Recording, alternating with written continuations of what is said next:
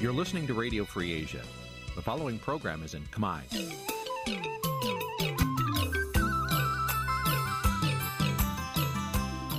Nǐ chi càm bi tiệp xáy vệt chiu a zì sê ray នេះជាកម្មវិធីផ្សាយរបស់ Vithu Azisari ជាភាសាខ្មែរ វិទ្យុអាស៊ីសេរីសូមស្វាគមន៍លោកអ្នកនាងទាំងអស់ពីរដ្ឋធានី Washington នៃសហរដ្ឋអាមេរិក បាទពីរដ្ឋធានី Washington សហរដ្ឋអាមេរិកខ្ញុំបាទមេរិតសូមជម្រាបសួរលោកអ្នកនាងកញ្ញាប្រិយមិត្តអ្នកស្ដាប់ Vithu Azisari ទាំងអស់ជាទីមេត្រី យើងខ្ញុំសូមជូនកម្មវិធីផ្សាយសម្រាប់ព្រឹកថ្ងៃច័ន្ទ11កើតខែបុស្សឆ្នាំខាលចត្វាស័កពុទ្ធសករាជ2566ដែលត្រូវនឹងថ្ងៃទី2ខែមករាគ្រិស្តសករាជ2023បាទជាដំបូងនេះសូមអញ្ជើញលោកនាងកញ្ញាស្ដាប់ព័ត៌មានប្រចាំថ្ងៃដែលមានមេត្តាដូចតទៅ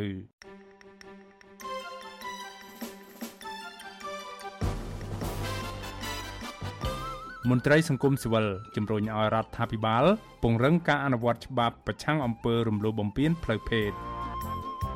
សកម្មជនបរិស្ថានថាគួរស៊ើបអង្កេតក្រុមមនុស្សបរិច្ចាគលុយជួយលោកហ៊ុនសែនថត់កុនយុវជននិងពលរដ្ឋរិះគន់ការផ្សព្វផ្សាយគ្រឿងសង្វឹងកក្រឹកកក្រែងនៅខេត្តសៀមរាប ពលរដ្ឋមួយចំនួននាំកូនកូនមកស៊ីឈ្នួលដកដំឡូងនៅតាមព្រំដែនរួមនឹងព័ត៌មានផ្សេងៗមួយចំនួនទៀត។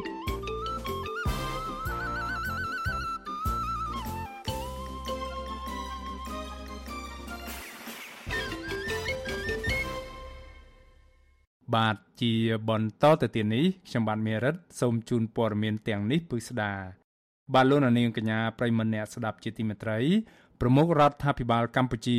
អំពាវនាវឲ្យរួមគ្នាប្រឆាំងការរំលោភបំពាននិងការជួញដូរផ្លូវភេទលើក្មេងស្រីមន្ត្រីអង្គការសង្គមស៊ីវិលជំរុញឲ្យរដ្ឋាភិបាលត្រូវតែពង្រឹងការអនុវត្តច្បាប់ដែលមានស្រាប់ឲ្យមានប្រសិទ្ធភាពនិងលុបបំបាត់គ្រឿងញៀន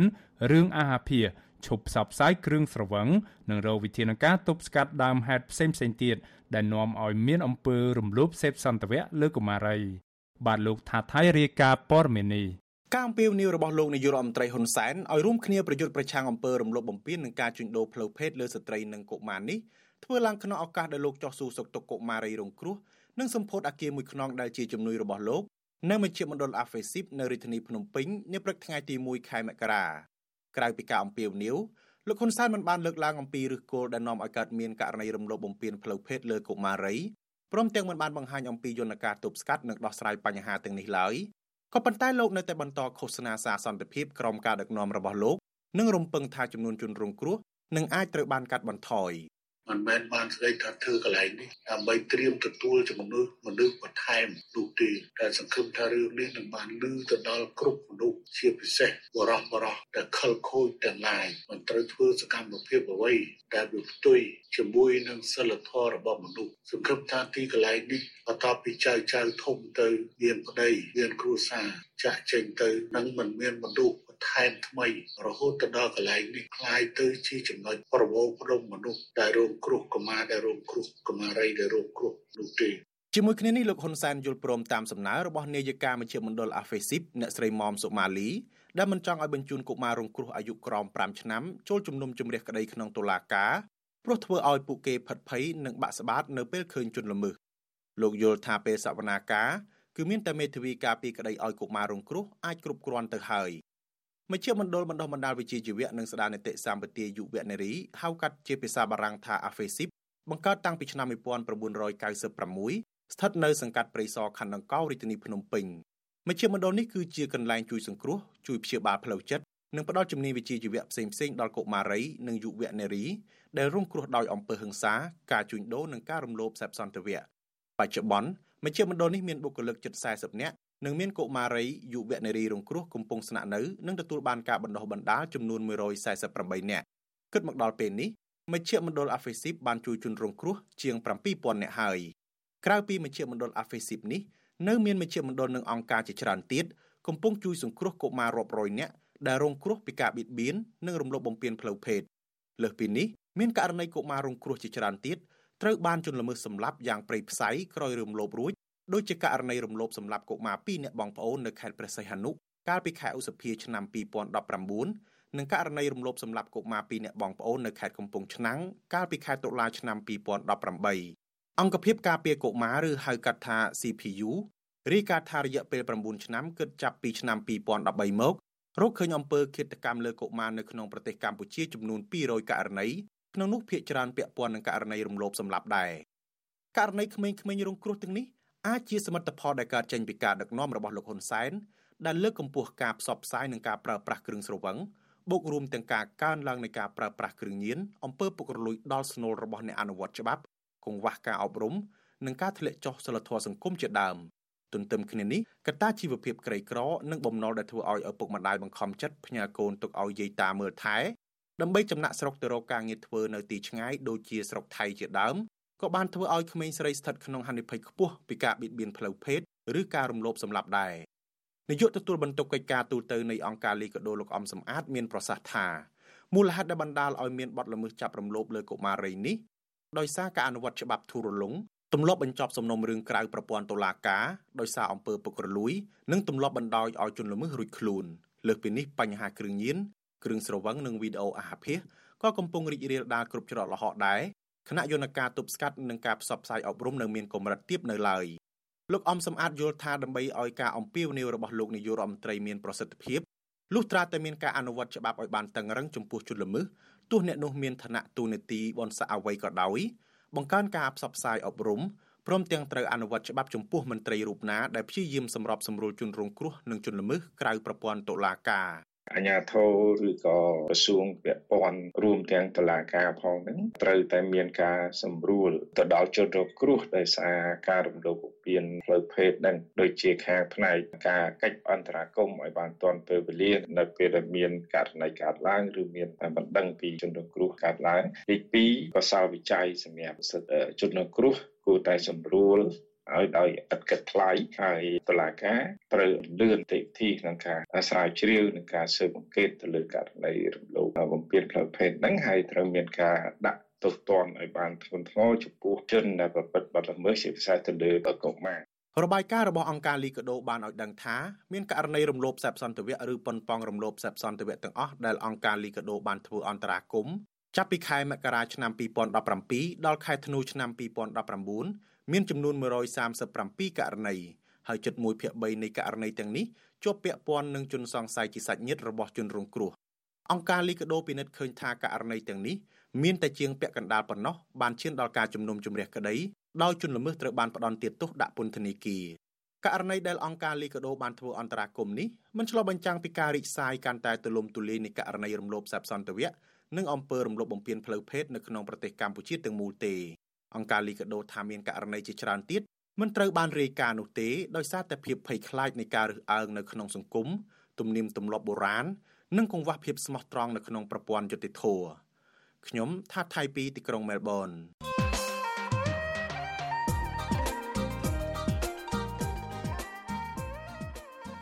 បាទលោកនាងកញ្ញាប្រិមមអ្នកស្ដាប់ជាទីមេត្រី យើងឈានចូលឆ្នាំ2023ដែលនាំមកនៅព្រឹត្តិការណ៍ដ៏រន្ធត់ចុងក្រោយ នោះគឺការឆេះកាស៊ីណូនៅប៉ោយប៉ែតដែលធ្វើឲ្យមនុស្សរាប់សិបនាក់ស្លាប់និងរបួសនិងដំណឹងអំពីការផ្ទុះរាលដាលយ៉ាងគំហុកឡើងវិញនៅជំងឺ Covid-19 នៅប្រទេសចិនយើងឈានជើងចូលក្នុងឆ្នាំថ្មីមួយ ដែលការបែងចែករវាងក្រុមអ្នកកាន់អំណាចនិងប្រជាពលរដ្ឋកាន់តែធំឡើងធំឡើង ការលីពណ៌ការជះសម្អប់ពីក្រុមមួយទៅក្រុមមួយពីបកមួយទៅបកមួយ កាន់តែមានស្ថានភាពធ្ងន់ធ្ងរទៅធ្ងន់ធ្ងរទៅនៅក្នុងសង្គមកម្ពុជា យើងឈានជើងចូលឆ្នាំថ្មី2023គ្រាដែលលោកហ៊ុនសាន ហាក់កំពុងជ្រួលច្របល់បញ្ញាបញ្ញាលនាវេលាចុងក្រោយលៃលោករកវិធីនៅក្នុងការផ្ទេរអំណាចទៅឲ្យកូនរបស់លោកឲ្យខាន់តែបានតើកម្ពុជាក្នុងឆ្នាំ2023នេះអាចនឹងមានស្ថានភាពធូរស្រាលជាងឆ្នាំមុនដែរឬទេ តើលោកហ៊ុនសានអាចនឹងសម្រេចគោលបំណងនៅក្នុងការរៀបចំផ្ទេរអំណាចឲ្យកូនរបស់លោកបានដែរទេ នៅក្នុងឆ្នាំ2023នេះបាទនៅថ្ងៃអង្គារទី3ខែមករានេះលោកជុនច័ន្ទបុតនឹងមានកិច្ចពិភាក្សាមួយអំពីរឿងនេះជាមួយនឹងអ្នកវិទ្យាសាស្ត្រនយោបាយនិងអ្នកវិភាគពីរូបបាទសូមអញ្ជើញលោកនាងកញ្ញារងចាំចូលរួមតាមដានកុំបីខានឡើយបាទសូមអរគុណ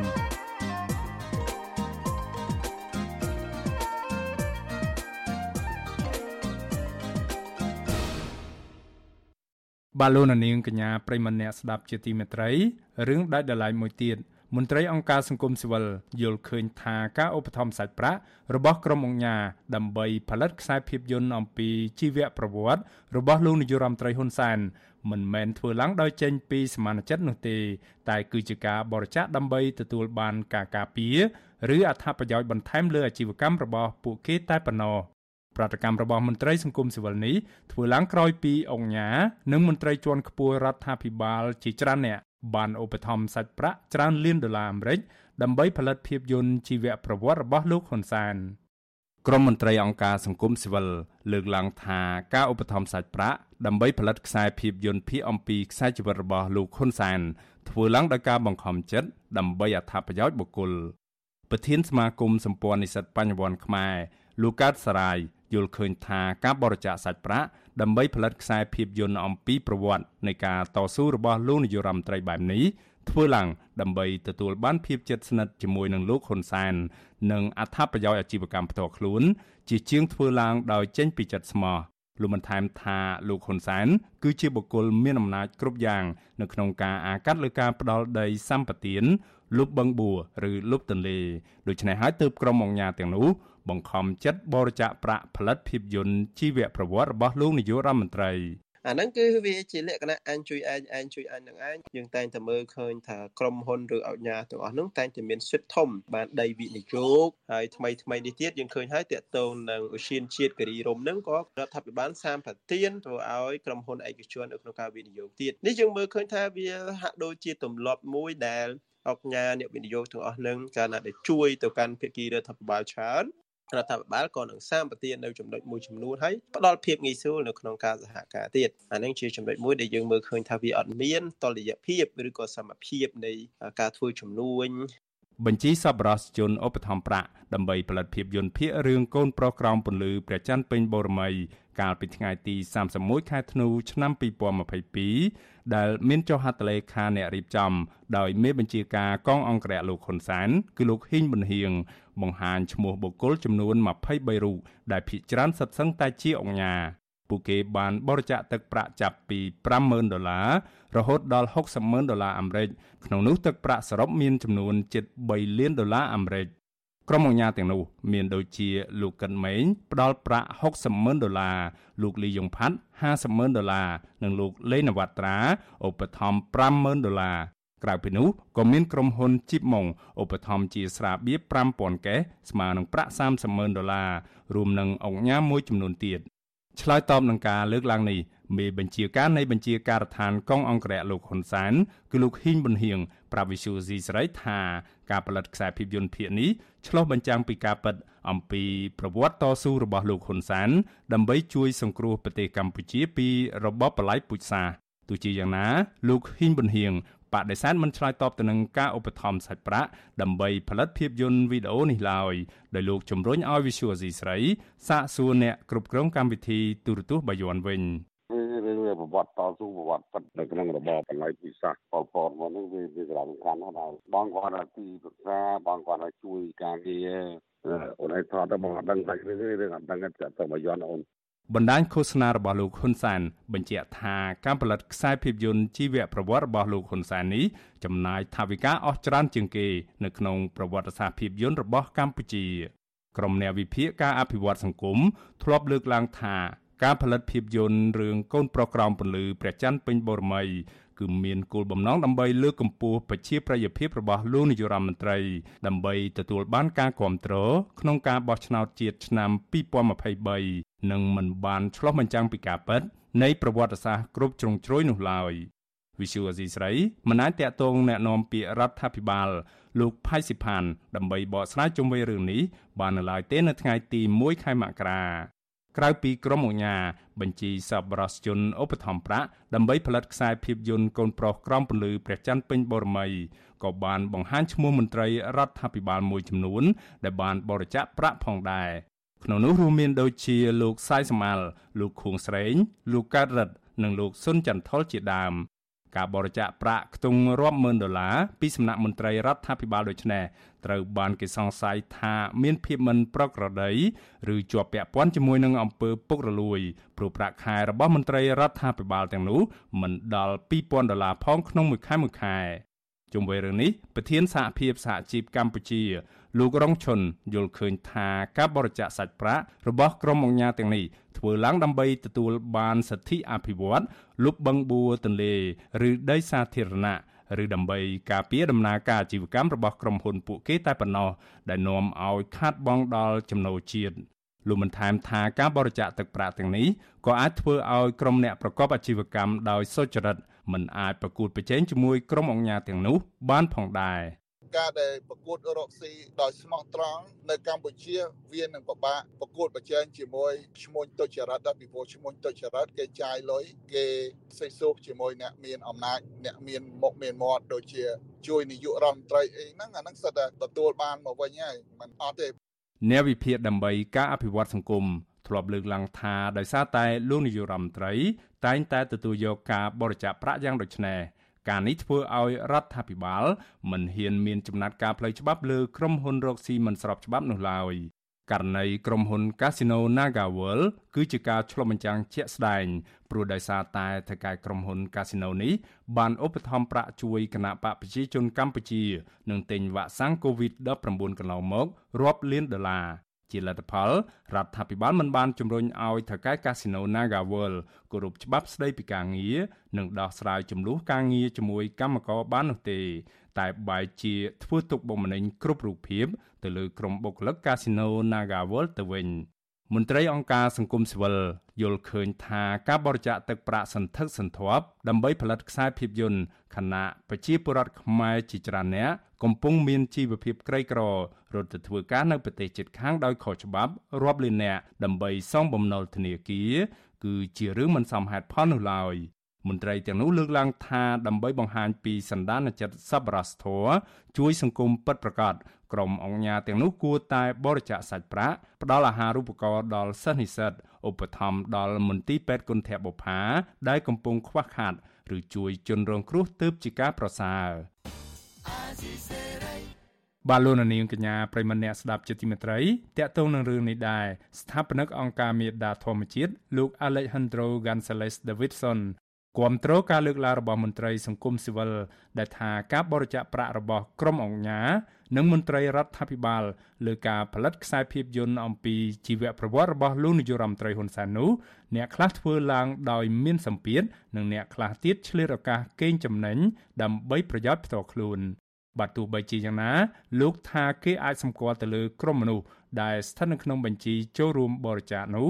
មួយចំនួនអាចជាគោលដៅនៃការស៊ើបអង្កេតអំពីករណីពុករលួយលួចទ្រព្យសម្បត្តិជាតិបាទសូមអញ្ជើញលោកនាងកញ្ញារងចាំស្ដាប់បទសម្ភាសន៍ជុំវិញរឿងនេះនាពេលបន្តិចទៀតនេះបាទសូមអរគុណ បាទលោកនាងកញ្ញាប្រិមម្នាក់ស្ដាប់ជាទីមេត្រីដំណើរគ្នានឹងស្ដាប់ការផ្សាយរបស់ Visual C ស្រីតាមបណ្ដាញសង្គម Facebook និង YouTube លោកនាងកញ្ញាក៏អាចស្ដាប់កម្មវិធីផ្សាយផ្ទាល់របស់ Visual C ស្រីតាមរលកធាតុអាកាសខ្លីឬ Shortwave តាមកម្រិតនិងកម្ពស់ដូចតទៅនេះពេលព្រឹកចាប់ពីម៉ោង5កន្លះដល់ម៉ោង6កន្លះ តាមរយៈប៉ុស SW 9.39 MHz ស្មើនឹងកម្ពស់ 32m និងប៉ុស SW 11.85 MHz ស្មើនឹងកម្ពស់ 25m ពេលយប់ចាប់ពីម៉ោង7កន្លះដល់ម៉ោង8កន្លះតាមរយៈប៉ុស SW 9.39 MHz ស្មើនឹងកម្ពស់ 32m ប៉ុស SW 11.88 MHz ស្មើនឹងកម្ពស់ 25m និងប៉ុស SW 15.15 MHz ស្មើនឹងកម្ពស់ 20m បាទសូមអរគុណ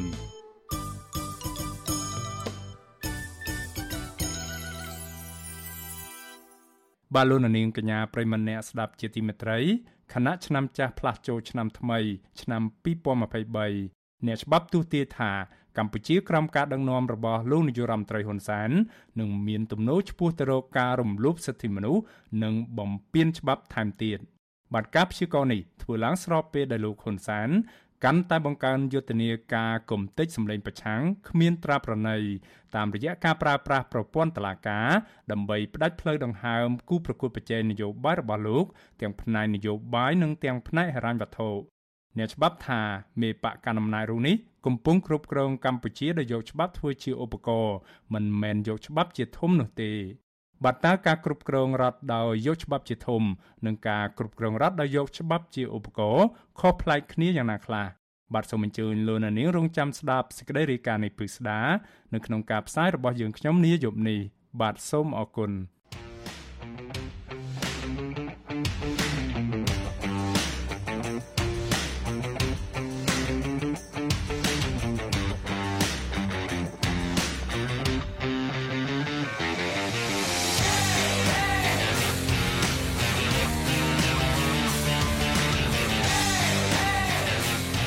សួស្តីលោកនាងកញ្ញាទាំងអស់ជាទីមេត្រីក្នុងឋានៈដែលយើងត្រៀមខ្លួនស្វាគមន៍ឆ្នាំថ្មីឆ្នាំ2023នេះខ្ញុំបាទសូមធាតឱកាសសូមជូនពរលោកលោកស្រីនាងកញ្ញាទាំងអស់សូមឲ្យឆ្នាំថ្មីនេះនាំមកជូនប្រិយមិត្តទាំងអស់នៅឱកាសថ្មីក្នុងជីវិតនិងសូមលោកលោកស្រី បានសម្រេចនៅសេចក្តីប្រងប្រាថ្នាក្នុងឆ្នាំថ្មីនេះចានាងខ្ញុំសូមអរគុណចំពោះភក្ដីភាពនិងការគ្រប់គ្រងរបស់លោកនាងកញ្ញាដែលបានធ្វើឲ្យបច្ចុប្បន្នស៊ីស្រី ជាជំរើសទី1ក្នុងចំណោមស្ថាប័នផ្សព្វផ្សាយព័ត៌មានឯករាជ្យលោកអ្នកនាងមានជំរើសច្រើនណាស់នៅក្នុងការទទួលបានព័ត៌មាននៅក្នុងយុគសម័យបច្ចេកវិទ្យាជឿនលឿនបែបនេះក៏ប៉ុន្តែការនៅតែបន្តចូលគ្រប់គ្រងចែកចាយនិងស្ដាប់ការផ្សាយរបស់យើងគឺជាកម្លាំងចិត្តដ៏មោះមុតសម្រាប់យើងទាំងអស់គ្នាហើយនេះក៏ជាការឆ្លុះបញ្ចាំងថាយើងបានបំពេញបេសកកម្មជាអ្នកយកព័ត៌មានជូនដល់លោកអ្នកនាងកញ្ញាទាំងអស់ បាទទោះជាយ៉ាងនេះក្តីយើងនៅតែខិតខំកែច្នៃផ្លាស់ប្ដូរកម្មវិធីរបស់យើងឲ្យសមស្របទៅតាមការរីកចម្រើននៃបច្ចេកវិទ្យានិងឲ្យលោកអ្នកនាងកញ្ញាកាន់តែមានភាពងាយស្រួលក្នុងការចូលទៅស្ដាប់ឬទស្សនាឬក៏ចែកចាយការផ្សាយរបស់យើងផងដែរនៅក្នុងឆ្នាំ2023នេះលោកអ្នកនាងនឹងបានឃើញកម្មវិធីថ្មីៗមួយចំនួនរបស់យើងដូចជាយើងនឹងផ្លាស់ប្ដូរកម្មវិធីសម្ភាស30នាទីនៅពេលយប់របស់យើងឲ្យទៅជាកម្មវិធី ព័ត៌មានវីដេអូខ្លីៗបទសម្ភាសខ្លីៗឲ្យបានកាន់តែច្រើននិងបានលឿនជាងមុន សម្រាប់ផ្សព្វផ្សាយឲ្យទាន់ហេតុការណ៍ជាងពេលមុនដោយសារឆ្នាំ2023នេះមានការបោះឆ្នោតសកលនៅកម្ពុជាយើងក៏នឹងមានផលិតកម្មវិធីបន្ថែមទៀតទាក់ទងនឹងការបោះឆ្នោតនោះដែរ។យើងនឹងពង្រីកវត្តមាននៃបណ្ដាញស្វែងរកនិងផ្សព្វផ្សាយព័ត៌មានរបស់យើងឲ្យកាន់តែទូលាយជាងមុន ចាស់ដោយយើងនឹងបង្កើនចំនួនអ្នកយកព័ត៌មានសម្រាប់ឈរជើងនៅប្រទេសអូស្ត្រាលីចាស់ជាទីតាំងភូមិសាស្ត្រដែលមានម៉ោងពេលប្រហាក់ប្រហែលនឹងម៉ោងពេលនៅកម្ពុជានិងជាទីតាំងមួយដែលអាចនឹងផ្ដល់សុវត្ថិភាពល្អប្រសើរចាស់សម្រាប់អ្នកយកព័ត៌មានរបស់យើងផងពីប្រទេសអូស្ត្រាលីខ្ញុំបាទបដិញ្ញាប្រគៀកស្មាររួមដំណើរជាមួយនឹងក្រុមការងាររបស់យើងជាបន្តទៀតនៅក្នុងឆ្នាំថ្មីនេះដើម្បីបង្កើនការផ្សព្វផ្សាយព័ត៌មានចម្រុះគ្រប់ជ្រុងជ្រោយជូនលោកអ្នកនាងកញ្ញា បាទខ្លួនខ្ញុំបាទផ្ទាល់ព្រមទាំងសហការីទាំងអស់នៅ VTV អាស៊ីសេរីសូមអរគុណលោកអ្នកនាងកញ្ញាជាថ្មីម្ដងទៀតយើងខ្ញុំជឿជាក់ថាចំណងតាក់ទងរវាង VTV អាស៊ីសេរីនិងលោកអ្នកនាងកាន់តែរីកចម្រើនជឿនលឿនថែមទៀតក្នុងឆ្នាំថ្មីនេះនិងឆ្នាំខាងមុខខាងមុខសូមអរគុណសួស្តីឆ្នាំថ្មី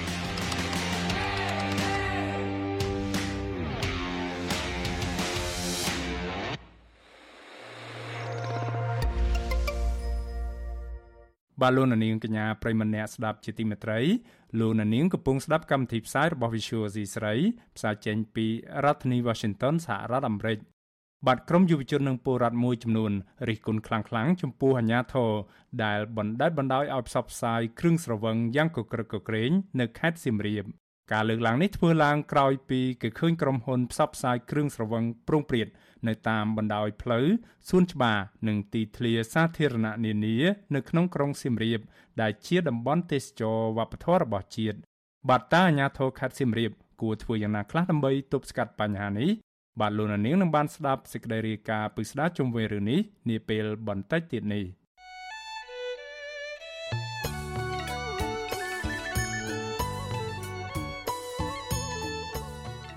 បាទលោកនាងកញ្ញាប្រិមម្នាក់ស្ដាប់ជាទីមេត្រី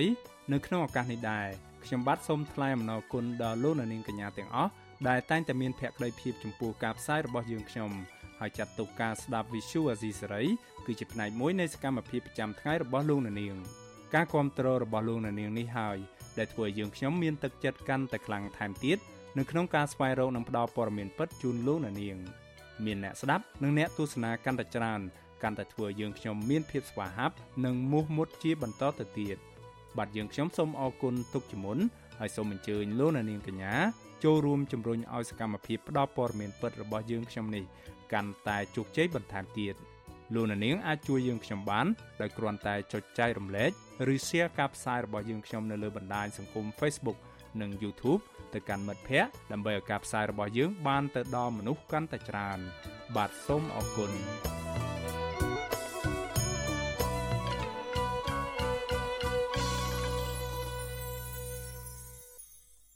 បាទលោកនាងកញ្ញាប្រិមម្នាក់ស្ដាប់ជាទីមេត្រីព័ត៌មានតកតងនឹងខ្មែរក្រមវិញម្ដងព្រះសង្ឃនិងសិស្សានុសិស្សដែលសិក្សាចាប់តាំងពីខែឧសភាឆ្នាំ2022បាននាំគ្នាប្រឡងបញ្ចប់ថ្នាក់ពុទ្ធកសិក្សាផ្នែកភាសាបាលី នៅដើមឆ្នាំ2023នេះហើយ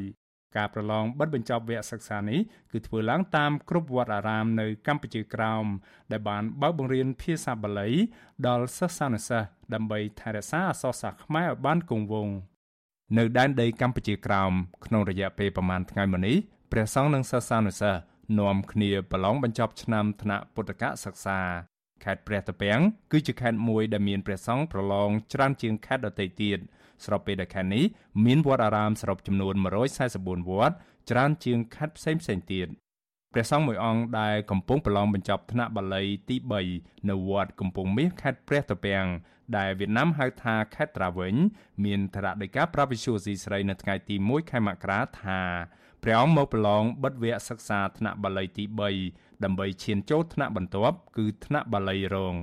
ព្រះភិក្ខុរូបនេះមានថេរដីកាទៀតថាព្រះអង្គបានឆ្លើយវិញ្ញាសាត្រូវច្រើន ជាពិសេសមុខវិជ្ជាភាសាបាលី និងមុខវិជ្ជាអក្សរសាស្ត្រខ្មែរព្រះអង្គបន្តថាបើទោះបីជាព្រះអង្គរៀនអក្សរសាស្ត្រខ្មែរមិនបានធ្វើការធំដុំក៏ដោយក៏ការសិក្សារបស់ព្រះអង្គអាចចូលរួមជួយរក្សាអត្តសញ្ញាណជាតិបានមួយកម្រិតដែរ បងតាមាមិនច្បាស់ដែរបងបងតាមាក៏មានការក្រុមនេះតែញាសានៅមានក៏មានត្រូវដែរយើងកំណត់ផងបានចឹងអងចំណែកឯព្រះសង្ឃមួយអង្គទៀតដែលជាគ្រូកាយវិញ្ញាសាប្រឡងភិក្ខុថាច់វណ្ណា មានធរណដីកាថាសិស្សានុសិស្សដែលមកប្រឡងក្នុងវត្តកំពង់មាសនេះមានប្រមាណ250អង្គនឹងអ្នកហើយចំនួនព្រះសង្ឃគឺច្រើនជាងប្រជាពលរដ្ឋ ព្រះអង្គកត់សម្គាល់ថាសិស្សានុសិស្សនៅកម្ពុជាក្រោមយកចិត្តទុកដាក់រៀនទាំងភាសាខ្មែរនិងភាសាវៀតណាមអតមាយល់ឃើញថាវិស័យសិក្សាហ្នឹងមិនមែនពីពលុតដោះពីចម្រើនខ្លាំងឃើញនេះក្មេងៗក៏មានការចាប់អារម្មណ៍សិក្សារៀនសូត្រល្អយើងឃើញទៅក្មេងជាពិសេសក្មេងៗស្រីតបីរៀនសាលាសកលក៏មានការឆ្លៀតឱកាសទំនេរថ្ងៃសៅរ៍អាទិត្យនោះឲ្យចូលរៀនបំពេញតួនាទីរៀនខាងភាសាយើងចឹង រូបភាពនានាដែលត្រូវបានគេបង្ហោះនៅលើបណ្ដាញសង្គមបង្ហាញថាបេក្ខជនប្រឡងមានទឹកមុខរីករាយនិងបានរៀបចំខ្លួនស្អាតបាតនៅពេលចូលបន្ទប់ប្រឡងការប្រឡងបិទវគ្គសិក្សាឆ្នាំ2022សម្រាប់ថ្នាក់ពុទ្ធកបឋមភូមិនៅខេត្តព្រះត្រពាំងមានសិស្សានុសិស្សទាំងព្រះសង្ឃនិងគ្រហស្ថសរុបប្រមាណ1000អង្គនឹងនាក់ជុំវិញរឿងនេះប្រធានសហព័ន្ធខ្មែរកម្ពុជាក្រោមប្រចាំកម្ពុជា លោកតាំងសារៈ មើលឃើញថាវិស័យអប់រំផ្នែកព្រះពុទ្ធសាសនា នៅកម្ពុជាក្រោមកើនឡើងគួរឲ្យកត់សម្គាល់ជាពិសេសអក្សរខ្មែរព្រោះយុវជនចាប់ផ្ដើមងាកមកចាប់អារម្មណ៍នឹងអក្សរសាស្ត្រជាតិលោកបន្តថាលោកត្រេកអរពេលដែលឃើញកូនខ្មែរក្រោមចេះភ្ញាក់រលឹកមិនបោះបង់ចោលភាសាជាតិ ការដែលរៀនអក្សរខ្មែរនាំគ្នាទៅរៀនអក្សរខ្មែរទោះបីជាមានបើកនៅតាមសាលារដ្ឋក្តីបើកនៅតាមវត្តអារាមក្តីអានឹងគឺថាវាជាការរក្សានៅអក្សរសាស្ត្រជាតិរួមទាំងភាសាជាតិផងគឺថាបើស្នាយើងបានទៅរៀនអក្សរខ្មែរដូចជាប្រសង់ដែលលោកបានរៀនផ្នែកសាលាបាលីក្តីធម្មបាលីក្តីគឺលោកចេះភាសាខ្មែរនឹងច្បាស់គ្រាន់បើជាងអ្នកដែលមិនបានរៀនអក្សរខ្មែរ ជាទូទៅសិស្សនៅកម្ពុជាក្រោមដែលរៀននៅតាមវត្តអារាម គឺសិក្សាចាប់ពីដើមខែឧសភារហូតដល់ខែធ្នូទើបប្រឡងបញ្ចប់ឆ្នាំហើយមុខវិជ្ជាភាគច្រើនផ្អែកលើព្រះពុទ្ធសាសនា ភាសាបាលី ភាសាខ្មែរគណិតវិទ្យានិងភាសាអង់គ្លេសវត្តនៅកម្ពុជាក្រោមមានជាង600វត្តនិងមានព្រះសង្ឃបួសរៀននៅគ្រប់វត្តទាំងអស់ទទោះជានៅក្រោមនឹមត្រួតត្រារបស់ប្រទេសវៀតណាមអរិយៈពេលជាង70ឆ្នាំហើយក៏ដោយ ក៏ខ្មែរកម្ពុជាក្រោមមិនភ្លេចស្មារតីនៅក្នុងការថែរក្សាប្រពៃណីទំនៀមទម្លាប់វប្បធម៌ព្រះពុទ្ធសាសនានិងអក្សរសាស្ត្រខ្មែរនោះទេពួកគេតែងតែដាស់តឿនដល់កូនចៅរបស់ពួកគេឲ្យទៅរៀនអក្សរសាស្ត្រខ្មែរនៅក្នុងវត្តអារាម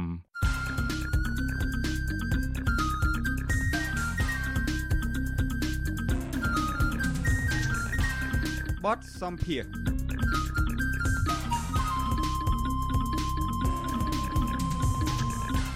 បាឡូណានាងកញ្ញាប្រិមម្នាក់ស្ដាប់ជាទីមេត្រី ស្ថាបនិកអង្គការមេដាធម្មជាតិលោក Alejandro Gonzalez Davidson គាំទ្រការលើកឡើងរបស់មន្ត្រីសង្គមស៊ីវិលដែលថាការបរិច្ចាគប្រាក់របស់ក្រុមអង្គការនិងមន្ត្រីរដ្ឋាភិបាលលើការផលិតខ្សែភាពយន្តអំពីជីវប្រវត្តិរបស់លោកនាយរដ្ឋមន្ត្រីហ៊ុនសែននោះអ្នកខ្លះគឺធ្វើឡើងដោយមានសម្ពាធនិងខ្លះទៀតឆ្លៀតឱកាសកេងចំណេញដើម្បីប្រយោជន៍ផ្ទាល់ខ្លួន បាទទោះជាយ៉ាងណាលោកយល់ថាគេអាចសម្គាល់លើក្រុមមនុស្សដែលស្ថិតនៅក្នុងបញ្ជីចូលរួមបរិច្ចាគនោះគឺមួយចំនួនអាចជាគោលដៅនៃការស៊ើបអង្កេត ចំពោះករណីប្រព្រឹត្តអំពើពុករលួយលួចទ្រព្យសម្បត្តិជាតិបាទសូមអញ្ជើញលោកនាងកញ្ញាស្ដាប់បទសម្ភាសរវាងលោកសេកបណ្ឌិត និងលោក Alejandro Gonzalez Davidson ជុំវិញរឿងរ៉ាវនេះដូចតទៅបាទខ្ញុំបាទជម្រាបសួរអាលិចពីចម្ងាយបាទបាទសូមជម្រាបសួរហើយសូមសួស្តីឆ្នាំថ្មីបាទសួស្តីឆ្នាំថ្មីអាលិច លោកអាលិចដឹងស្រាប់ហើយថាការផលិតខ្សែភាពយន្តរឿងអប់រំខ្លីក៏ដោយវែងក៏ដោយដែលផលិតឡើងដោយក្រុមអង្គការសង្គមស៊ីវិលឬមួយក៏ក្រុមហ៊ុនឯកជនផ្សេងផ្សេងក្នុងគោលដៅអប់រំទៅលើបរិស្ថានអប់រំទៅលើការជួញដូរផ្លូវភេទរឿងអប់រំទៅលើបញ្ហាអ្វីមួយដល់សង្គមយុវជនអីហ្នឹងមិនសូវជាមានការគ្រប់គ្រងផ្ដល់ការឧបត្ថម្ភពីក្រុមអ្នកមានលុយមានអំណាចអីប្រមាណទេក៏ប៉ុន្តែដោយឡែក បើសិនយើងក៏លេចទៅមើលការផលិតខ្សែភាពយន្តដែលប្រកបប្រកាសរបស់លោកនាយករដ្ឋមន្ត្រីហ៊ុនសែនផ្ទាល់នោះគឺថាមានការជ្រុំជ្រែងពេញដៃពេញជើងខ្លាំងណាស់ពីអ្នកមានលុយមានអំណាចក្រុមអង្គការក្រុមមន្ត្រីជាន់ខ្ពស់ដែលមានមុខមានមាត់នៅក្នុងសង្គមកម្ពុជាបច្ចុប្បន្នចំពោះបញ្ហានេះអាលិចផ្ទាល់យល់ឃើញយ៉ាងម៉េចដែរបាទទីមួយខ្ញុំបានអានបញ្ជីឈ្មោះបុគ្គលឬក៏ក្រុមហ៊ុនដែលបានឧបត្ថម្ភតាវិការរាប់លានដុល្លារដល់ រឿងដែលមានចំណងជើងថាកូនប្រុសក្រៅពន្លឺព្រះច័ន្ទពេញបរមីហ្នឹងដែលគាត់តែចំណងជើងនេះវាគួរឲ្យអស់សំណើចដែរហើយខ្ញុំតែប៉ិតខ្ញុំទ្របចូល YouTube សាកមើលខ្លះខ្លះប៉ុន្តែខ្ញុំមើលតែប្រហែលនាទីហ្នឹងខ្ញុំដូចសោចហើយសោចទៅលាជាមួយចង់យំអាណិតអសូរដល់ប្រទេសកម្ពុជាតែថ្នាក់ដឹកនាំគាត់បញ្ជីឲ្យគេបង្កើតឬក៏គេហៅថា ផលិតរឿងមួយដែលអត់មានការពិតទៅសោះអញ្ចឹងខ្ញុំមិនបានខ្ញុំសារភាពថាខ្ញុំមិនបានមើលរឿងនោះឲ្យអស់ទេប៉ុន្តែខ្ញុំមើលតែប្រហែលនាទីខ្ញុំអាចដឹងថាអានឹងគាត់តែជាល្បិចកលដើម្បីបោកប្រាស់ឬក៏ជាការកោសនាមួយរបស់អឺលោកហ៊ុនសែនដើម្បីបោកបញ្ឆាត់ប្រជាជនហើយខ្ញុំមើលបញ្ជីរបស់ក្រុមហ៊ុនមួយចំនួនក៏ដូចជាបកគោហ្នឹងខ្ញុំឃើញថាមានអត្ថប្រយោជន៍សម្រាប់យើងច្រើនណាស់សម្រាប់អ្នកដែលជាសកម្មជន លើកស្ទួយប្រជាធិបតេយ្យដូចខ្ញុំហ្នឹងឬក៏ជាសកម្មជនប្រឆាំងរបបផ្ដាច់ការអឺថាប្រយោជន៍ទី1យើងដឹងថាក្រុមហ៊ុនអ្វីខ្លះដែលប្រហែលជាពាក់ព័ន្ធជាមួយនឹងឧក្រិដ្ឋកម្មមួយចំនួនដូចជាឧក្រិដ្ឋកម្មបំផ្លាញបរិស្ថានឧក្រិដ្ឋកម្មផ្សេងផ្សេងដូចជាកិច្ចពន្ធជាដើមលុបបុនកាប់បំផ្លាញព្រៃឈើឬក៏កតកម្មដូចជាជួញដូរគ្រឿងញៀនបាទហើយយើងឃើញថាឲ្យតែមានបញ្ហាណាមួយនៅក្នុងសង្គមដូចជា លំអាគារនៅកំពង់សោមប្រហែលឆ្នាំមុនឬក៏ប្រតិកម្មផ្សេងផ្សេងនោះយើងឃើញថាក្រុមហ៊ុនឬបុគ្គលដែលឧបត្ថម្ភនឹងតែដដែលស្តៀងនឹងបុគ្គលនិងក្រុមហ៊ុនដែលបានឧបត្ថម្ភដល់រឿងខ្សែភាពយន្តរបស់លោកហ៊ុនសែនចឹងទីមួយយើងអាចដឹងថាក្រុមហ៊ុនមួយនេះក្រុមហ៊ុនមួយចំនួននេះឬក៏បុគ្គលគឺអាចនឹងពាក់ព័ន្ធនឹងក្រតកម្មមួយចំនួនអញ្ចឹងយើងមានគេហៅថាតម្រុយមួយសម្រាប់ស៊ើបអង្កេតតទៅមុខទៀតអាហ្នឹងអត្ថប្រយោជន៍ទី1អត្ថប្រយោជន៍ទី2 យើងដឹងថាសមាជិកនៃរដ្ឋាភិបាលមន្ត្រីរាជការឬក៏រដ្ឋមន្ត្រីឬក៏អ្នកនយោបាយណាដែលកំពុងអាចនឹងប្រព្រឹត្តអំពើពុករលួយពួកយើងឃើញថាលោកកើតរដ្ឋជារដ្ឋមន្ត្រីក្រសួងយុទ្ធភ័ពមានប្រខែប្រមាណនៅក្នុងមួយខែហ្នឹងខ្ញុំជឿថាមិនដល់2000ដុល្លារហ្នឹងថាដោយបានគាត់គាត់មានលុយមកពីណាមកឧបត្ថម្ភរហូតដល់30000ដុល្លារឬក៏លោកខួនស្រេងគាត់តែជាអភិបាលក្រម អភិបាលរាជធានីភ្នំពេញគាត់មានប្រាក់ខែមិនដល់2000ដុល្លារហ្នឹងគាត់មានលុយមកពីណាមកឧបត្ថម្ភនឹងរាប់ម៉ឺនដុល្លារបើសិនជាបញ្ជីមួយនេះគឺចេញនៅក្នុងប្រទេសណាមួយដែលមាននីតិរដ្ឋពិតប្រាកដណាអង្គភាពប្រឆាំងអំពើពុករលួយរបស់ប្រទេសនោះឬក៏ពេលរាជអាជ្ញាឬក៏តឡាការនោះគេនឹងស៊ើបអង្កេតជាបន្ទាន់ដោយសារគេឆ្ងល់ថាជុំអ្នកនយោបាយប្រខែទៀបហ្នឹងមានលទ្ធភាពមកពីណាមកឧបត្ថម្ភទៅលើ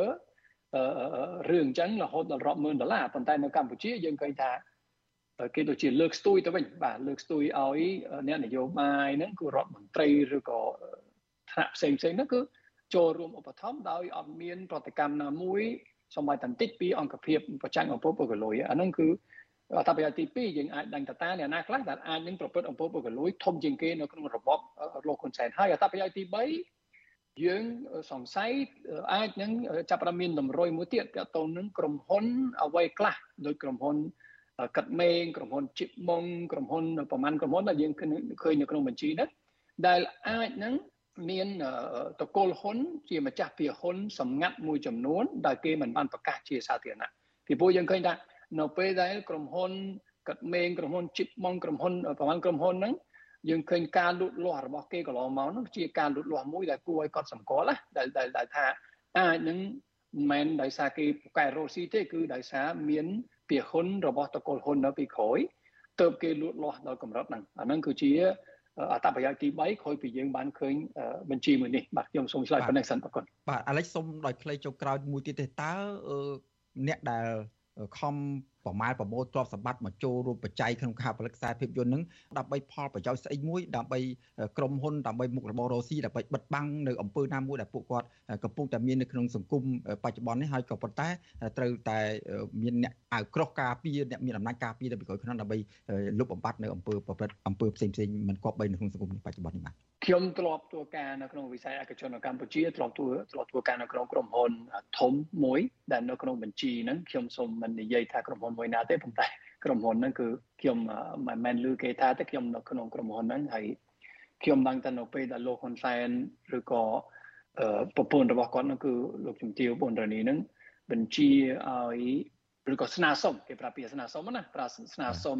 ឧបត្ថម្ភហ្នឹងគឺបកកែកបដិសេធអត់បានទេគឺត្រូវតែជួយឧទាហរណ៍ថាស្នើសុំឲ្យឧបត្ថម្ភដល់ពេទ្យកន្ទះបផាឬក៏ដល់ការក្បាលក្រហមឬក៏ដល់រឿង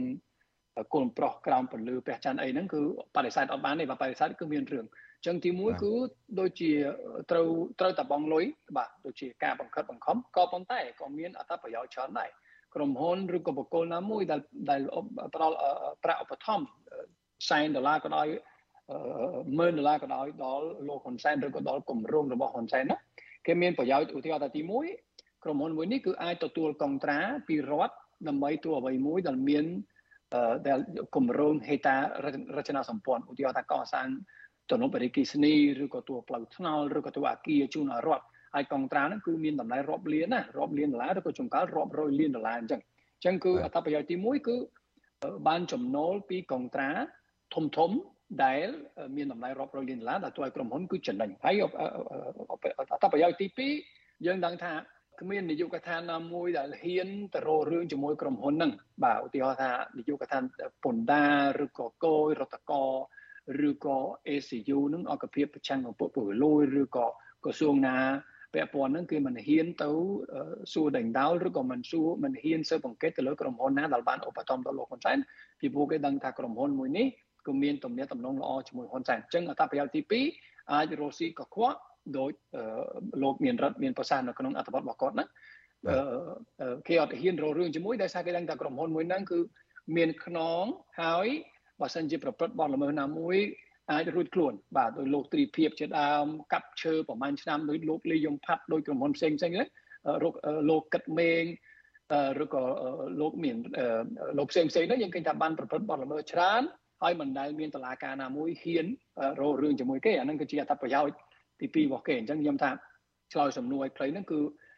ទី1របបបង្ខំក៏ប៉ុន្តែទី2ក្រុមហ៊ុនក៏ចង់របៀបក៏ចង់ពាក់ព័ន្ធដែរដែលថាអាចមានប្រយោជន៍ច្រើនទាក់ទងនឹងចំណូលទាក់ទងនឹងលុយបាទ បាទអរគុណអាលិចដែលបានចំណាយពេលវេលាផ្ដល់បទសម្ភាសជាមួយនឹងវិទ្យុអេស៊ីសរ៉ៃក្នុងថ្ងៃដំបូងនៃឆ្នាំ2023ឆ្នាំសកលនេះបាទហើយជូនពរអាលិចឲ្យមានសុខភាពល្អហើយ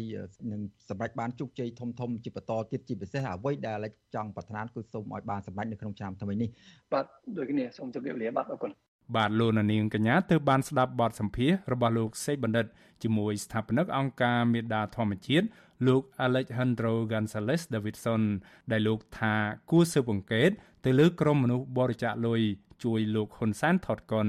បាទសូមអរគុណ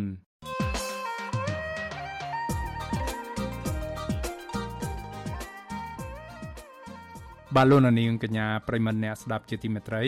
យើងឈានចូលឆ្នាំ2023ដែលនាំមកនៅព្រឹត្តិការណ៍ដ៏រន្ធត់ចុងក្រោយ នោះគឺការឆេះកាស៊ីណូនៅប៉ោយប៉ែតដែលធ្វើឲ្យមនុស្សរាប់សិបនាក់ស្លាប់និងរបួសនិងដំណឹងអំពីការផ្ទុះរាលដាលយ៉ាងគំហុកឡើងវិញនៅជំងឺ Covid-19 នៅប្រទេសចិនយើងឈានជើងចូលក្នុងឆ្នាំថ្មីមួយ ដែលការបែងចែករវាងក្រុមអ្នកកាន់អំណាចនិងប្រជាពលរដ្ឋកាន់តែធំឡើងធំឡើងការលីពណ៌ការជះសម្អប់ពីក្រុមមួយទៅក្រុមមួយពីបកមួយទៅបកមួយ កាន់តែមានស្ថានភាពធ្ងន់ធ្ងរទៅធ្ងន់ធ្ងរទៅ នៅក្នុងសង្គមកម្ពុជា យើងឈានជើងចូលឆ្នាំថ្មី2023គ្រាដែលលោកហ៊ុនសាន ហាក់កំពុងជ្រួលច្របល់បញ្ញាបញ្ញាលនាវេលាចុងក្រោយលៃលករកវិធីនៅក្នុងការផ្ទេរអំណាចទៅឲ្យកូនរបស់លោកឲ្យខាន់តែបានតើកម្ពុជាក្នុងឆ្នាំ2023នេះអាចនឹងមានស្ថានភាពធូរស្រាលជាងឆ្នាំមុនដែរឬទេ តើលោកហ៊ុនសានអាចនឹងសម្រេចគោលបំណងនៅក្នុងការរៀបចំផ្ទេរអំណាចឲ្យកូនរបស់លោកបានដែរទេ នៅក្នុងឆ្នាំ2023នេះបាទនៅថ្ងៃអង្គារទី3ខែមករានេះលោកជុនច័ន្ទបុតនឹងមានកិច្ចពិភាក្សាមួយអំពីរឿងនេះជាមួយនឹងអ្នកវិទ្យាសាស្ត្រនយោបាយនិងអ្នកវិភាគពីរូបបាទសូមអញ្ជើញលោកនាងកញ្ញារងចាំចូលរួមតាមដានកុំបីខានឡើយបាទសូមអរគុណ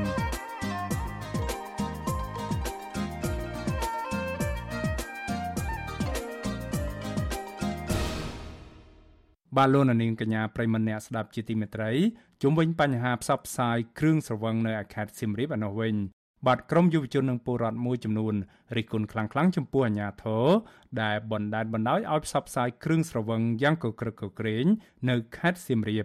ការលើកឡើងនេះធ្វើឡើងក្រោយពីគេឃើញក្រុមហ៊ុនផ្សព្វផ្សាយគ្រឿងស្រវឹងប្រងព្រាតនៅតាមដងផ្លូវសួនច្បារនិងទីធ្លាសាធារណៈនានានៅក្នុងក្រុងសៀមរាប ដែលជាតំបន់ទេសចរវប្បធម៌របស់ជាតិ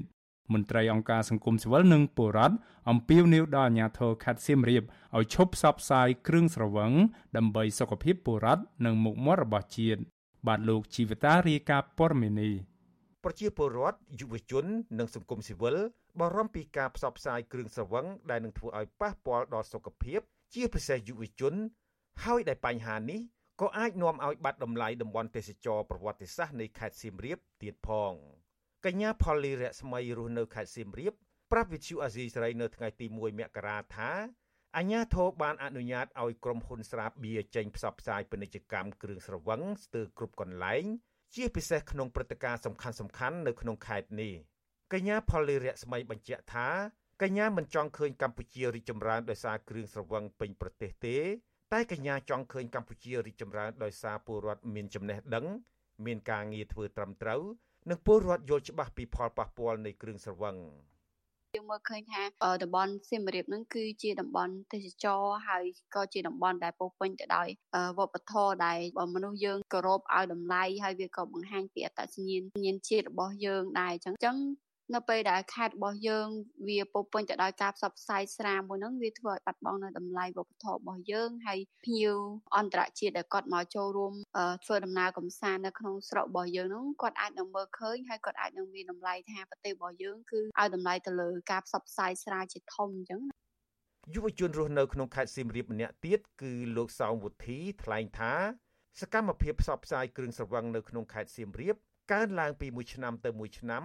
ដោយអាជ្ញាធរគ្មានវិធានការទប់ស្កាត់នោះទេ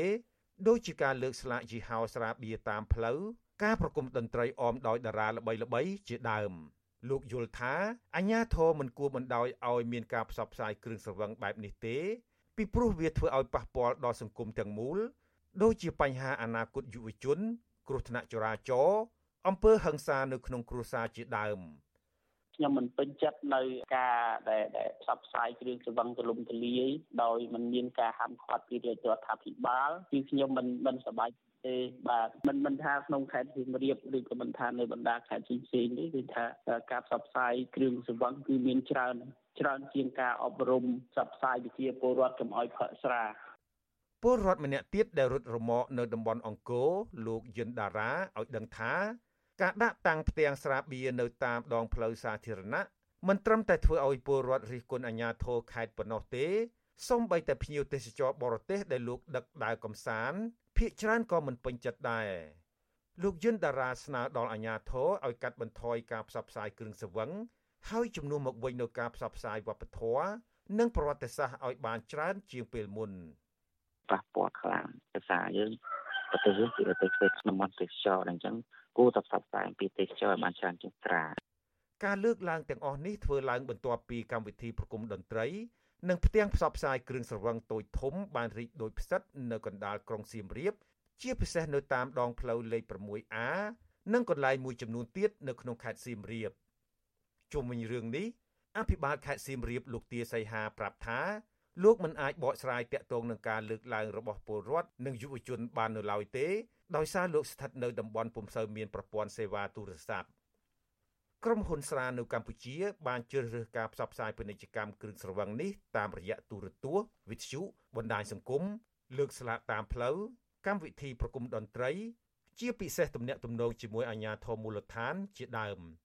ការផ្សព្វផ្សាយទាំងនោះក្រុមហ៊ុនស្រាបានភ្ជាប់ជាមួយសារដែលជំរុញឲ្យពលរដ្ឋចង់ផឹក ដូចជារសជាតិថ្មីសរសើរពីគុណភាពស្រាបៀរនិងសារខ្លះទៀតថាជាមោទនភាពជាតិជាដើមលើសពីនេះពួកគេក៏បានរៀបចំកម្មវិធីផ្ដល់រង្វាន់លើកទឹកចិត្តដល់អ្នកទិញឬអ្នកផឹកស្រាបៀរឈ្នះរង្វាន់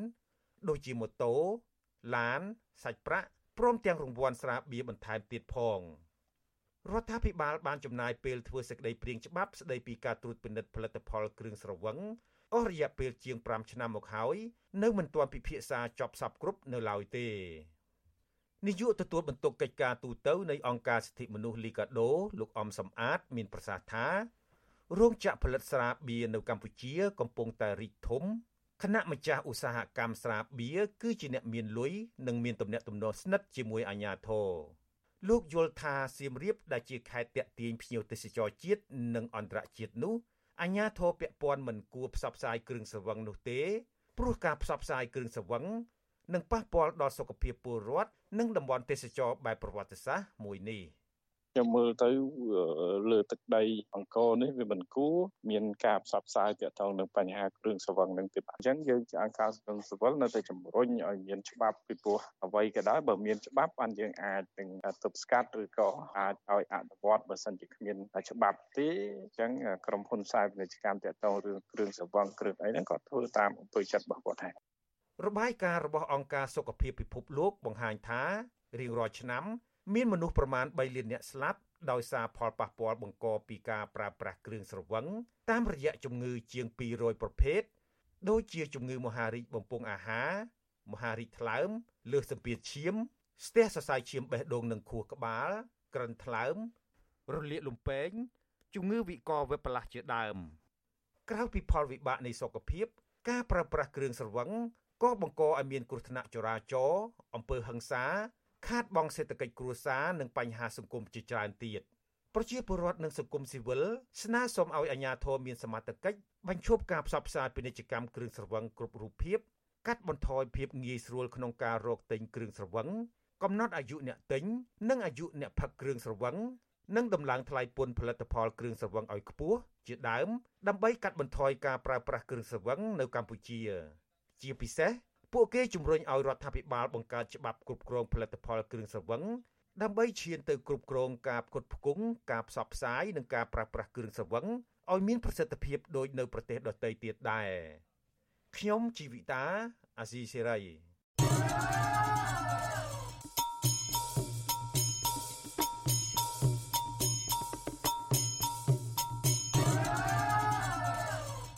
បាទលោកនាងកញ្ញាប្រិមម្នាក់ស្ដាប់ជាទីមេត្រី យើងងាកមកស្ដាប់រឿងរ៉ាវទុកលំបាករបស់ពលរដ្ឋមួយចំនួន ដែលនាំកូនកូនរបស់ពួកគេ មកស៊ីឈ្នួលដកដំឡូងនៅតាមព្រំដែនវិញម្ដងបាទពលរដ្ឋមួយចំនួននាំកូនកូនធ្វើចំណាក់ស្រុកមកស៊ីឈ្នួលដកដំឡូងនៅតាមបណ្ដោយព្រំដែនដើម្បីរកប្រាក់ដោះស្រាយជីវភាពគ្រួសារខណៈកូនកូនរបស់ពួកគេមិនបានចូលសាលារៀននោះទេមន្ត្រីសង្គមស៊ីវិលយល់ថារដ្ឋាភិបាល និងស្ថាប័នពាក់ព័ន្ធគគួររកមូលហេតុដែលពលរដ្ឋចំណាក់ស្រុក និងរកដំណោះស្រាយឲ្យបានច្បាស់លាស់ដើម្បីទប់ស្កាត់ការធ្វើចំណាក់ស្រុកនិងកាត់បន្ថយសិស្សបោះបង់ចោលការសិក្សា បាទលោកសេបណ្ឌិតរាយការណ៍ព័ត៌មាននេះកម្មករស៊ីឈ្នួលដកដំឡូងមួយចំនួននៅខេត្តបៃលិន បានលើកឡើងថាដោយសារគ្រួសារក្រីក្រ ហើយគ្មានការងារធ្វើ និងគ្មានប្រាក់សងបំណុលធនាគារទើបនាំកូនកូនមករកស៊ីឈ្នួលដកដំឡូងនៅតាមព្រំដែនពួកគាត់ថាដោយសារកូននៅតូច និងគ្មានអ្នកមើលថែ ប៉ុន្តែដើម្បីជីវភាពគ្រួសារគឺពួកគាត់ត្រូវបង្ខំចិត្តនាំកូនកូនមកតាមស៊ីឈ្នួលគេទោះត្រូវខកខានរៀនសូត្រយ៉ាងណាក្តីកម្មករស៊ីឈ្នួលដកដំឡូងជិត20នាក់កំពុងមមាញឹកប្រមូលដំឡូងរបស់កសិករនៅក្នុងស្រុកសាលាក្រៅខេត្តបៃលិនកម្មករប្រុសប្រុសបាននាំគ្នាដកដំឡូងនិងកម្មការិនីខ្លះអង្គុយកាប់ដំឡូងចំណែកក្មេងៗពី4ទៅ5នាក់បានជួយការងារពុកម្ដាយ និងក្មេងតូចតូចនាំគ្នាអង្គុយលេងដីនៅក្នុងចំការនោះកម្មករមកពីសុកស្ទូងខេត្តកំពង់ធំ ក្នុងសម្លៀកបំពាក់អាវពណ៌ប្រផេះដៃវែងខោពណ៌កគី លោករេគារៀបរាប់ប្រាប់បទសុអសីស្រីថា គ្រួសារលោកហើយនឹងកូនកូន4នាក់រួមទាំងអ្នកភូមិជិត15នាក់មកស៊ីឈ្នួលដកដំឡូងនៅខេត្តបៃលិនប្រមាណ2ខែមកហើយលោកថាក្រោយពីស្រូវលិចទឹកអស់ហើយគ្មានការងារធ្វើ ទើបលោកនិងអ្នកភូមិក៏នាំគ្នាចំណាក់ស្រុកមករកស៊ីឈ្នួលដកដំឡូងដើម្បីរកប្រាក់សងបំណុលធនាគារនិងបានទុនខ្លះទុកធ្វើស្រែបន្តលោកបញ្ជាក់ថារាល់ឆ្នាំ គ្រួសារលោកនិងអ្នកភូមិតែងតែទទួលបានប្រាក់ត្រឡប់ទៅផ្ទះវិញជិត30000បាតឬស្មើជាង3លានរៀលក្នុងរយៈពេលជាង4ខែដោយអាស្រ័យលើទំហំការងារជាក់ស្ដែង 4កូនកូនណាគ្រូសាខ្ញុំមក4ទៅ3ទៅការគូ3 4 5ទៅមកគ្រូសាគ្រូសាការបាត់20000 20000ទៅទៅវិញមកទៅខាងទូយើងខ្វះការងារគឺយើងរត់មកខ្ញុំកាក់ស្រដៀងគ្នានេះដែរអ្នកដកដំឡូងមកពីស្រុកប្រណិតព្រះខេត្តបន្ទាយមានជ័យលោកស្រីរិនតេឲ្យដឹងថាលោកស្រីនាំកូន2នាក់មកតាមដើម្បីស៊ីឈ្នួលដកដំឡូងនៅខេត្តបៃលិនហើយរយៈពេល3ខែ ទើបលោកស្រីអាចត្រឡប់ទៅផ្ទះវិញលោកស្រីថាដោយសារតែគ្រួសារក្រីក្រ ហើយម្ដាយឪពុកឈឺកំពុងសម្រាប់ព្យាបាលនៅមន្ទីរពេទ្យនិងគ្មានប្រាក់សងធនាគារទើបលោកស្រីសម្រេចចិត្តយកកូនកូនមកតាម លោកស្រីបន្តថាលោកស្រីក៏បានបារម្ភអំពីអនាគតកូនកូនដែរក៏ប៉ុន្តែមិនដឹងធ្វើយ៉ាងណារកប្រាក់នោះដោះស្រាយជីវភាពគ្រួសារបានក៏ប៉ុន្តែមិនដឹងធ្វើយ៉ាងណាទើបអាចរកប្រាក់ដោះស្រាយជីវភាពគ្រួសារបាន ព្រោះរបរធ្វើសាររបស់គាត់ជួបគ្រោះទឹកជំនន់ហើយគ្រួសារធ្លាក់ខ្លួនឈឺទើបលោកស្រីខ្ចីប្រាក់ធនាគារដើម្បីសងថ្លៃព្យាបាលជំងឺ។ក៏បើអត់នោះលោកផ្ទះមិនបានប្រាក់អូទៅមួនមកទឺឲ្យវាចម្ពាក់គីក៏អត់មានលុយបងអង្ការនោះបាក់គ្រឿនហើយលើមុំទៅចង់ស្រក់ទឹកភ្នែកហើយលោកគ្រូអើយរាល់ថ្ងៃនេះអោក៏ឈឺម៉ែឈឺអាកូនក៏ទូចនោះរៀនអាខ្លួនក៏ក្រនោះតែសារតែជីវភាពក្រខ្លាំងទើលខ្លាំងលយកកូនមកតាម ប៉ះពាល់ហើយប៉ុន្តែបើវាជន់ខ្លាំងហើយនោះណាទៅចង់ឲ្យកូនអត់ដល់ពេលតាដល់ថ្ងៃបងអង្ការហើយក៏បើអូវាមិនយកមកផងបើម៉ែវានោះរសាអូក៏លេងពេតនោះធ្វើម៉េចបើអូលកើតរូបសរសៃប្រសាទអស់ហើយនោះក្រៅពីកម្មករមកពីខេត្តកំពង់ធំក៏នៅមានកម្មករមកពីខេត្តមួយចំនួនទៀតដែលចល័តស្វែងរកការងារធ្វើពីខេត្តមួយទៅខេត្តមួយតាមរដូវការងារហើយយកទាំងគ្រួសារទៅជាមួយ មានទាំងកូនតូចៗផងដែរ ពួកគាត់បានលើកឡើងអំពីបញ្ហាប្រហាក់ប្រហែលគ្នា ថាដោយសារជីវភាពគ្រួសារក្រីក្រគ្មានការងារធ្វើ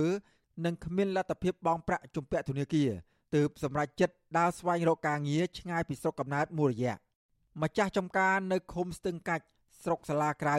លោកហ៊ួនហួយលើកឡើងថាកម្មករមករកស៊ីឈ្នួលដកដំឡូងនិងបេះផ្លែស្វាយរបស់លោកភ ieck ច្រើនយកប្រាក់ទៅសងធនាគារលោកថាកម្មករបានជួបប្រទះការលំបាកច្រើន ដោយសារតែនៅតាមចំការគ្មានទឹក និងគ្មានភ្លើងប្រើប្រាស់ហើយការរស់នៅ គឺដេកហាវិលលោកបន្តថាលោកអាណិតកម្មករដែរ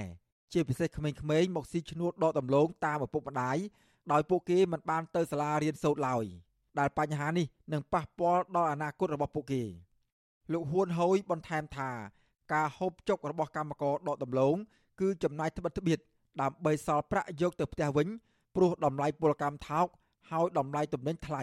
និយាយទៅការលំបាកវណ្ណធាមកវាមកពីឆ្ងាយមកកំពង់ធំលំបាកដែរអ្នកមួយទៀតនោះមកស្លាប់ប្រពន្ធទៅឥឡូវទៅវិញទៅឈឺមានរោគមានអីចឹងទៅដល់ពេលមកដកក្នុងមួយថ្ងៃគេដកបាន4 5តោនឬក៏7តោននេះទៅគ្នា6 7នាក់ចឹងក្នុងម្នាក់រស់បាន300បាតឬក៏200បាតចឹងទៅនៅការហូបចុកផងគ្នាច្រើនការហូបចុកមិនសូវបានទេខ្លាំងខ្លាំងគ្នារត់ចេញពីភូមិស្រុកមកដើម្បីរលុយផងអង្គការយកលុយអង្គការចឹងធ្វើស្រែធ្វើអីចឹងទៅវាបានចឹងទៅខាតចឹងទៅគ្នាក៏មកស៊ីឈ្នួលយកលុយហ្នឹងទៅដើម្បីបងការបងអីគេចឹងណាកម្មករស៊ីឈ្នួលដកដំឡូងនិងម្ចាស់ចំការសំណុំពរដល់រដ្ឋាភិបាលបង្កើតការងារឲ្យបានច្រើនដល់ពលរដ្ឋ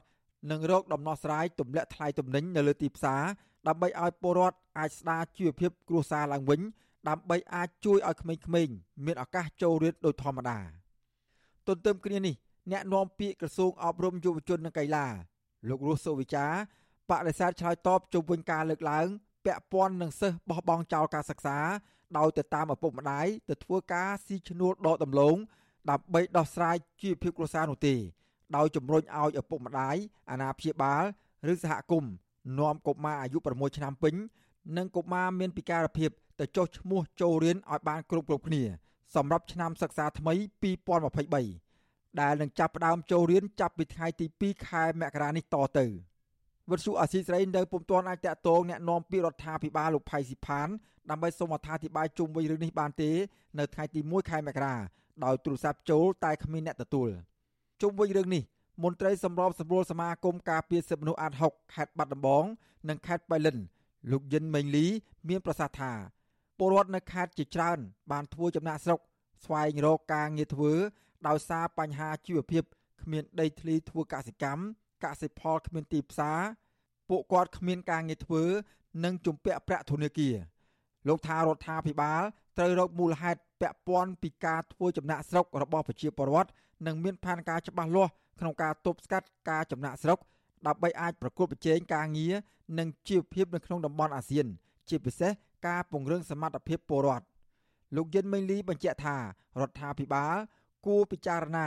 លើពលរដ្ឋគ្មានដីធ្លី គ្មានការងារហើយអភិវឌ្ឍលើវិស័យកសិកម្មថែមទៀតដើម្បីដោះស្រាយបញ្ហាប្រឈមចំពោះពលរដ្ឋដែលគ្មានប្រាក់សងធនាគារ។ យើងព្រួយបារម្ភទៅដល់ធនធានរបស់ប្រទេសយើងទៀតព្រោះកុមារមួយចំនួនហ្នឹងគាត់ទៅធ្វើចំណាក់ស្រុកដែរគាត់មកតាមឪពុកម្ដាយព្រោះគាត់មករកស៊ីទៅកូនវាអត់មានអ្នកណាមើលអញ្ចឹងគាត់យកកូនហ្នឹងមកជាមួយទៅហើយកូនហ្នឹងវាអត់បានសិក្សាទេខ្លះហួសអាយុចូលរៀនដែរអញ្ចឹងគាត់ជាងការធ្វើឲ្យពួកគាត់ហ្នឹងអត់បានរៀនអត់បានសូត្រធ្វើឲ្យពួកគាត់ហ្នឹងអត់ទាំងចេះអានអក្សរចេះគិតលេខផងណាអាហ្នឹងឯងដែលខ្ញុំថា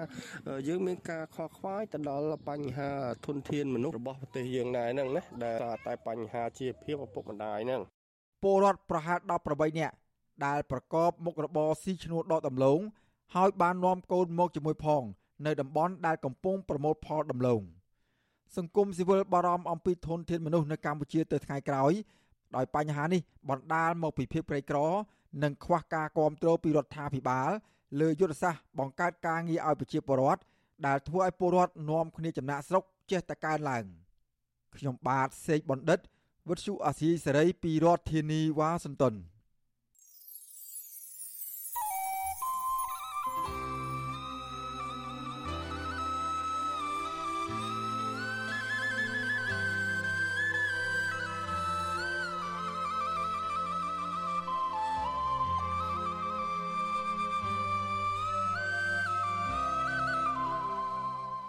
បាទលោកនាងកញ្ញាប្រិមម្នាក់ស្ដាប់ជាទីមេត្រី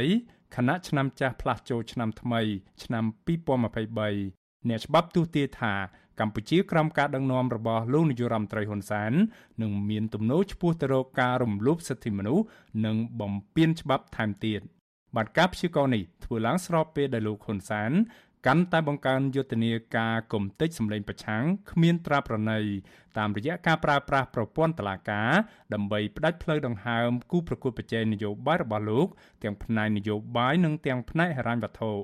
អ្នកច្បាប់ថាមេបកកណ្ដាលអំណាចរូបនេះកំពុងគ្រប់គ្រងកម្ពុជាដោយយកច្បាប់ធ្វើជាឧបករណ៍មិនមែនយកច្បាប់ជាធំនោះទេ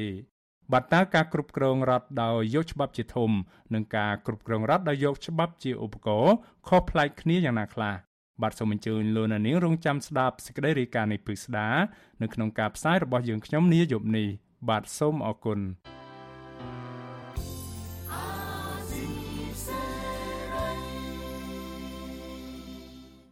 បាទលោកនាងកញ្ញាប្រិមម្នាក់ស្ដាប់ជាទីមេត្រីកម្មវិធីផ្សាយរយៈពេល1ម៉ោងនៃ Visual C ស្រីជាភាសាខ្មែរនៅពេលនេះចប់តែប៉ុណ្ណេះយើងខ្ញុំសូមជូនពរដល់លោកនាងកញ្ញាព្រមទាំងក្រុមគ្រួសារទាំងអស់ឲ្យជួបប្រកបតែនឹងសេចក្តីសុខចម្រើនរុងរឿងកំបីឃ្លានឃ្លាតឡើយខ្ញុំបាទមេរិតព្រមទាំងក្រុមការងារទាំងអស់នៃ Visual Asia ស្រីសូមអរគុណនិងសូមជម្រាបលា